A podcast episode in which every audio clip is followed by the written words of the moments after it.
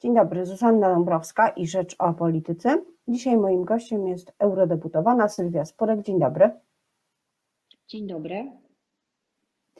E, zaczyna się e, robić trochę taka sytuacja w Polsce, jak może w latach 60. w Stanach Zjednoczonych, e, może w czasach sufrażystek na londyńskich ulicach.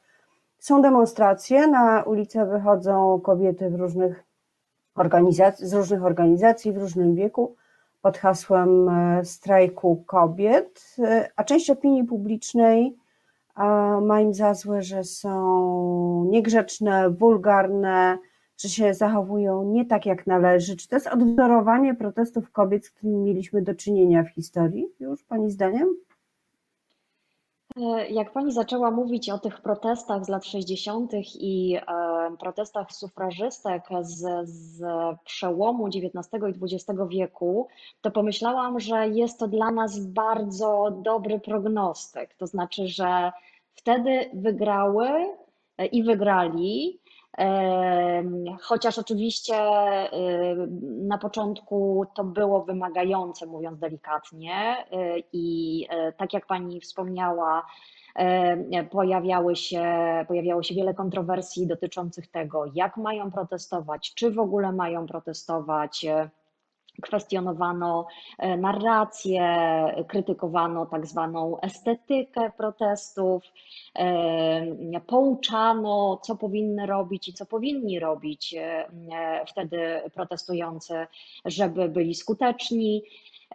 Ja mam nadzieję, że mm, ja mam nadzieję, że to się jednak dobrze skończy. To znaczy, mm, bardzo bym chciała, żeby ta większość, która jednak nie protestuje teraz, w końcu e, zaczęła być krytyczna wobec otaczającej rzeczywistości i żeby przestało tym ludziom być wszystko jedno jednak, e, bo, bo i to też pokazują protesty z tamtych lat, są osoby, które aktywnie zwalczają, aktywnie zwalczają postulaty, aktywnie zwalczają protestujących.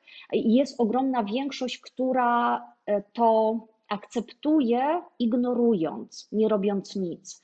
E, I tak naprawdę to wszystko zło, co się, które się wydarza, jest spowodowane przez tę większość, która milczy.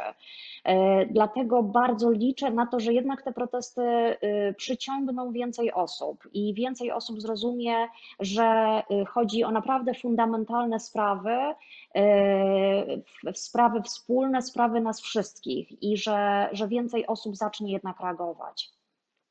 E, sondaże, które e, zostały wykonane e, przez Kantar chyba trzy dni temu dla TVN24 pokazują, że 59% osób popiera te konkretne protesty w sprawie aborcji, czyli wynikałoby z tego, że pewna obojętność jednak została przełamana. W Parlamencie Europejskim odbędzie się debata na ten temat. E, tak, i to dzisiaj. E, I w ogóle dzisiejszy dzień jest e, szczególny, dlatego że zaczynamy na porannej sesji od debaty z okazji Międzynarodowego Dnia Eliminacji Przemocy wobec Kobiet. Przy okazji wszystkich panów zachęcam do noszenia białych wstążek na znak solidarności z kobietami doświadczającymi przemocy i na znak tego, że nie używam nie akceptuje, reaguje. E, a potem faktycznie jest debata dotycząca mm, aborcji w Polsce. Po niej jest kolejna ważna debata dotycząca strategii Unia Równości, czyli strategii dotyczącej sytuacji osób LGBT, e, która e, w polskiej sytuacji też jest też jest e, bardzo istotna. Ale jeżeli chodzi o tę debatę dotyczącą aborcji w Polsce, to e, od, od kilku dni bardzo szybko, w bardzo szybkim tempie faktycznie pracujemy nad rezolucją dotyczącą e, prawa antyaborcyjnego, protestów, decyzji tak zwanego wyroku Trybunału Konstytucyjnego i wypracowaliśmy wspólnie właściwie z e, pozostałymi progresywnymi grupami progresywny dokument i to mówię naprawdę z dużą, e, z dużą satysfakcją. A jakie ugrupowania europejskie nazywa Pani progresywnymi? Czy Koalicja Obywatelska, czy też Europejska Partia Ludowa, PSL to są ugrupowania progresywne, czy zupełnie nie?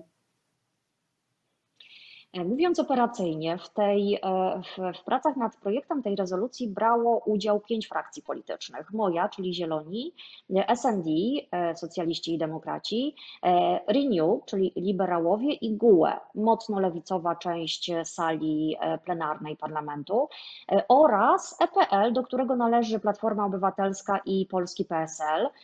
I dużym zaskoczeniem było dla nas pod koniec zeszłego tygodnia, kiedy EPL powiedział, powiedziała, my tej, tej rezolucji nie będziemy popierać.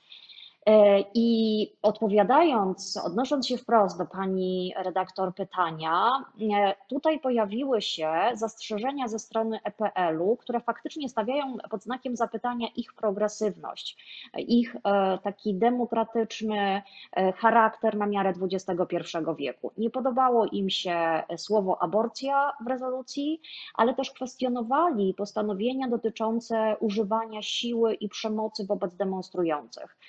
I to jest coś, czego ja kompletnie nie rozumiem, bo przecież wszyscy oglądamy w telewizji, w internecie zdjęcia, filmy, e, w jaki sposób e, policja zachowuje się wobec protestujących, e, jak wyglądają zatrzymania, jak wygląda użycie środków przymusu bezpośredniego i kwestionowanie tego, że należy to skrytykować i potępić, jest kompletnie niezrozumiałe. E, niechęć do rozstrzygania w takiej rezolucji o aborcji chyba jest zrozumiała, skoro IPL to są partie chadeckie, oparte o naukę Kościoła, jednak w, w sferze wartości.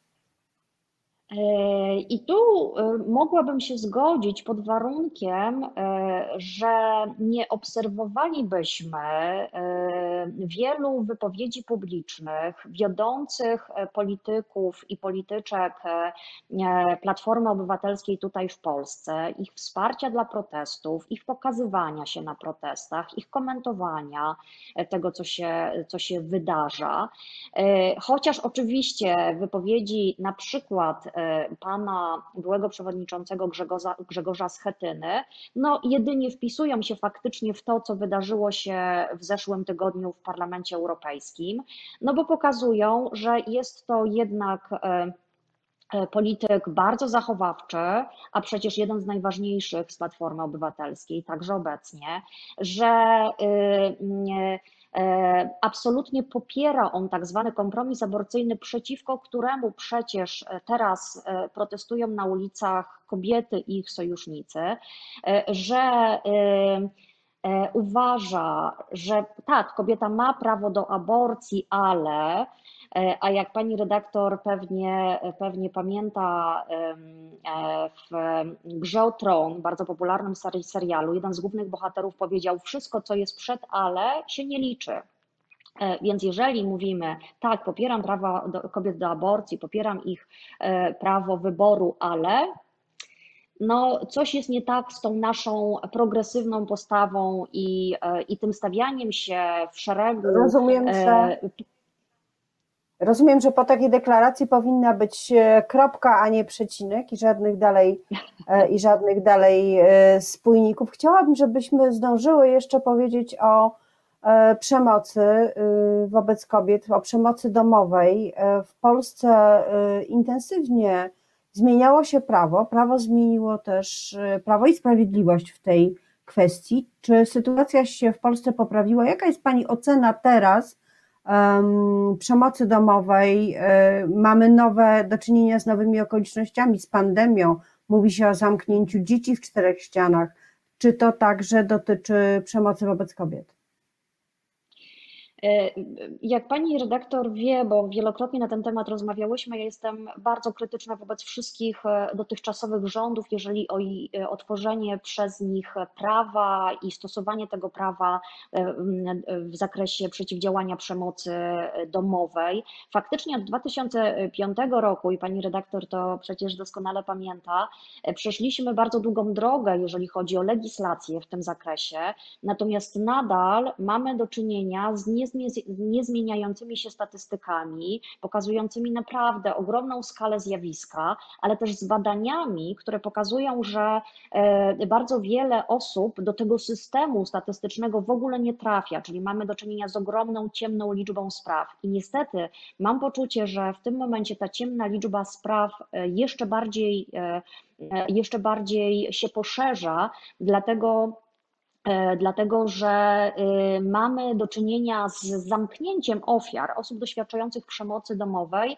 w domach e, z, ze sprawcami tej przemocy. To dotyczy y, dzieci, to dotyczy osób z niepełnosprawnościami, osób starszych, ale także kobiet, bo pamiętajmy, że 90% dorosłych ofiar przemocy w rodzinie to są kobiety e, i stąd cała akcja 16 dni, która dzisiaj się zaczyna, akcja, która odbywa się od 1991 roku i służy do tego, żeby właśnie chociażby przy tej okazji głośno mówić o problemie przemocy wobec kobiet. Najczęściej jest to przemoc domowa w naszym kręgu kulturowym. Niestety COVID-19 tylko ten problem pogłębił.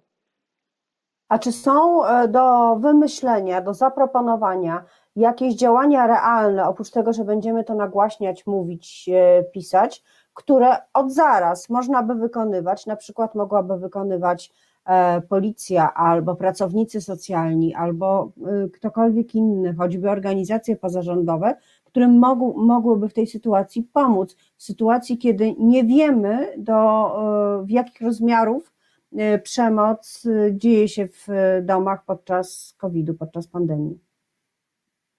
E, oczywiście od tworzenia systemu prawnego e, e, są, są organy władzy publicznej.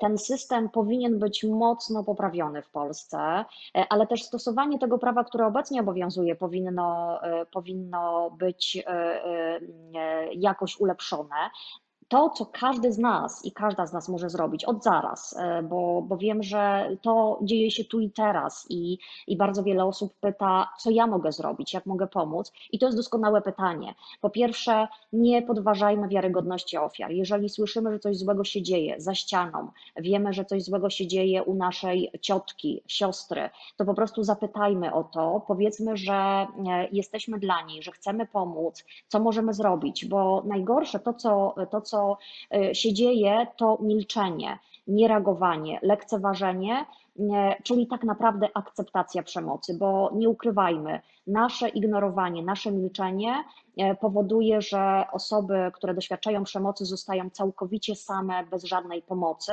I niezależnie od tego, jak wygląda system prawny w danym kraju, każdy i każda z nas powinien e, spojrzeć sobie rano w lustro i zapytać, co ja zrobiłem, żeby e, osoby, które doświadczają przemocy w rodzinie, e, przestały tej przemocy doświadczać. I naprawdę nie chodzi o jakieś e, heroiczne gesty. Chodzi po prostu żeby, o to, żeby wysłuchać tę osobę i zapytać, jak mogę pomóc.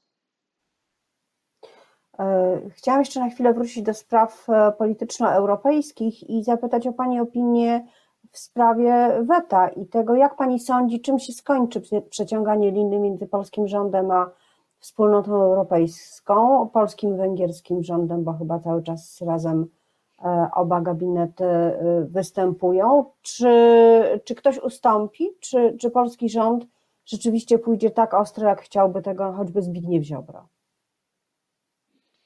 E, trudno e, jest w tym momencie wyrokować, co się wydarzy. Ja mam wrażenie, że e, tego weta jednak nie będzie, bo nikomu politycznie nie będzie się to po prostu opłacało. Ale musimy mieć świadomość, że znaleźliśmy się w tej sytuacji dlatego, że niestety, ale Komisja Europejska zamiast podejmować aktywne działania, konkretne, za każdym razem, kiedy y, ta praworządność szeroko rozumiana była naruszana, czy przez rząd węgierski, czy przez rząd polski, analizowała, monitorowała, upominała, rozmawiała. To nie działa i naprawdę na własne życzenie w tym momencie Komisja Europejska znalazła się w sytuacji, w której jest właśnie to przeciąganie liny, y, kiedy Komisja Europejska jest stawiana pod ścianą, kiedy kiedy zastanawiamy się, jak negocjować e, z z Orbanem i Kaczyńskim, żeby oni łaskawie ustąpili, a oni po prostu czują się bezkarni, bo mogli być bezkarni przez te wszystkie poprzednie lata, bo nikt nie reagował i w tym momencie grożą po prostu zawetowaniem tego budżetu. Na koniec jeszcze chciałam zapytać o Pani y, polityczną drogę. Y, jest Pani teraz eurodeputowaną Zielonych, ale to jest grupa Parlamentu Europejskiego, a w Polsce też są Zieloni. Oni są z kolei członkiem Koalicji Obywatelskiej. Czy to znaczy, że wzbogacili się o eurodeputowaną, czy to jest luźna współpraca? I jak będzie w przyszłości? E, jestem faktycznie obecnie we frakcji politycznej e, Zieloni w Parlamencie Europejskim. Nie wstąpiłam do partii Zielonych e, w Polsce, natomiast o dalszej współpracy, bo oczywiście z Zielonymi łączą mnie, łączą mnie wartości, o dalszej współpracy rozmawiamy. Będziemy o tym rozmawiać także na Radzie Europejskiej Partii Zielonych, która odbędzie się już 5 grudnia na otwarte wydarzenia bardzo serdecznie zapraszam. Natomiast nie wstąpiłam do Partii Zielonych i faktycznie e, koalicja, w której e, są Zieloni i e, obecność w tej koalicji Platformy Obywatelskiej może budzić, powodować takie pytania, czy Spurek wstąpi do Zielonych, czy nie. Wstąpi czy nie? E, bardzo chętnie, jak tylko podejmę taką decyzję, będę u pani redaktor w kolejnym programie. E, na razie jestem poza Zielonymi e, w Polsce, ale oczywiście z sympatią wspieramy wzajemnie nasze działania dotyczące i klimatu, i praw kobiet, i praw osób LGBT. Bardzo dziękuję za tę rozmowę. Moim gościem była eurodeputowana Europejskich Zielonych Sylwia Spurek. Bardzo dziękuję. Bardzo dziękuję. Wszystkiego dobrego.